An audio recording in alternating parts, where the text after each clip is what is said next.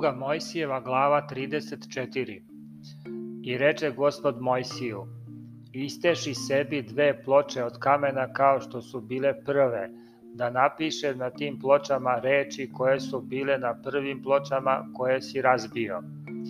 I budi gotov za sutra da rano izađeš na goru Sinajsku i staneš predame na vrh gore.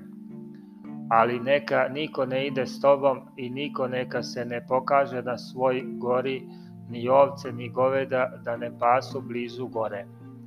I iste sa Mojsije dve ploče od kamena kao što su bile prve i ustavši rano izađe na goru Sinajsku kao što mu zapovedi gospod i uze u ruku svoju dve ploče kamene.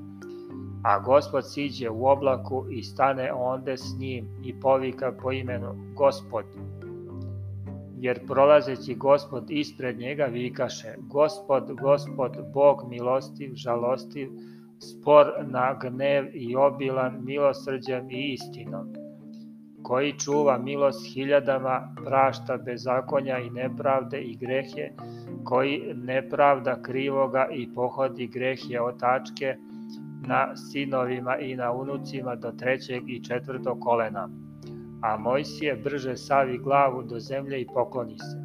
I reče, ako sam našao milost pred tobom, gospode, neka ide gospod posred nas, jer je narod tvrdovrat i oprosti nam bezakonje naše i greh naš i uzmi nas za nasledstvo.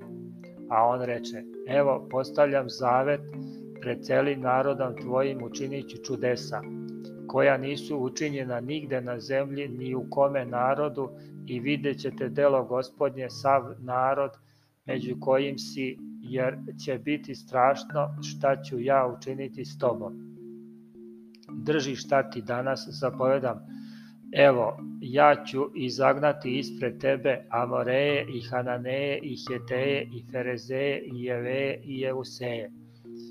Čuvaj se da ne hvataš vere s onima koji žive u zemlji u koju ćeš doći, da ti ne budu zamka usred tebe, nego oltare njihove oborite i likove njihove izlomite i gajeve njihove isecite, jer ne valja da se klanjaš drugom Bogu, jer se Gospod zove revnitelj, Bog je revnitelj. Nemoj hvatati vere s onima koji žive u onoj zemlji, da ne bi čineći preljubu za bogovima svojim i prinoseći žrtvu bogovima svojim pozvali te i ti jeo žrtve njihove i da ne bi kćerima njihovim ženio sinove svoje i da ne bi kćeri njihove čineći preljubu za bogovima svojim učinile da sinovi tvoji čine preljubu za bogovima njihovim. Livene bogove ne gradi sebi. Raznih presnih hlebova drži, sedam dana jedi presne hlebove, kao što sam ti zapovedio na vreme meseca Aviva, jer si tog meseca izašao iz Misira.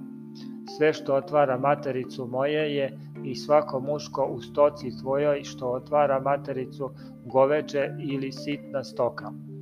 Ali magare koje otvori matericu otkupi jagnjetom ili jaretom, ako li ga ne bi otkupio, slomi mu vrat. I svakog prvenca između sinova svojih otkupi i da se niko ne pokaže prazan predamnom šest dana radi, a u sedmi dan počini i od oranja i od žetve počini. Praznu i praznik sedmica, prvi na žetve pšenične i praznik berbe na svršetku godine.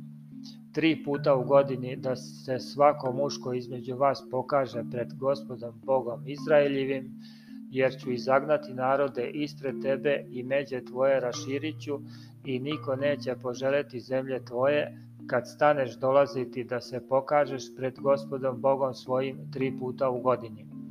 Nemoj prinositi krv od žrtve moje uz hlebove kisele i da ne prenoći do jutra žrtva praznika Pasije.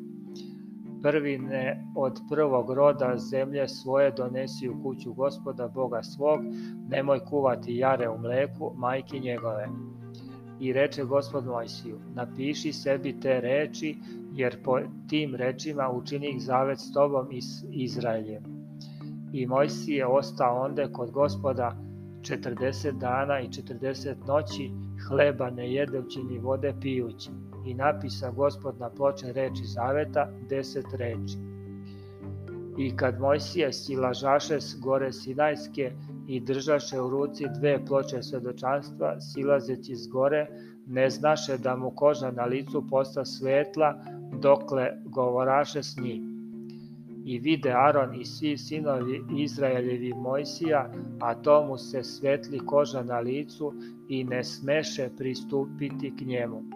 Ali ih zovno Mojsije i vratiše se k njemu Aron i svi glavari u zboru i govori s njima Mojsije. Potom pristupiše svi sinovi Izraeljevi i zapovedi im sve što mu kaza gospod na gori Sinajskoj a kad i Mojsije izgovori, zastre lice svoje pokrivalo. Ali kad Mojsije dolažaše pred gospoda da s njim govori, skidaše pokrivalo dokle ne bi izašao, a izašavši kazivaše sinovima Izraeljevim što mu se zapovedaše. Tada vidjahu sinovi Izraeljevi lice Mojsije, vo, gde se svetli koža na licu njegovom, te Mojsije opet zastiraše pokrivala lice svoje dokle ne bi opet ušao da govori s njim.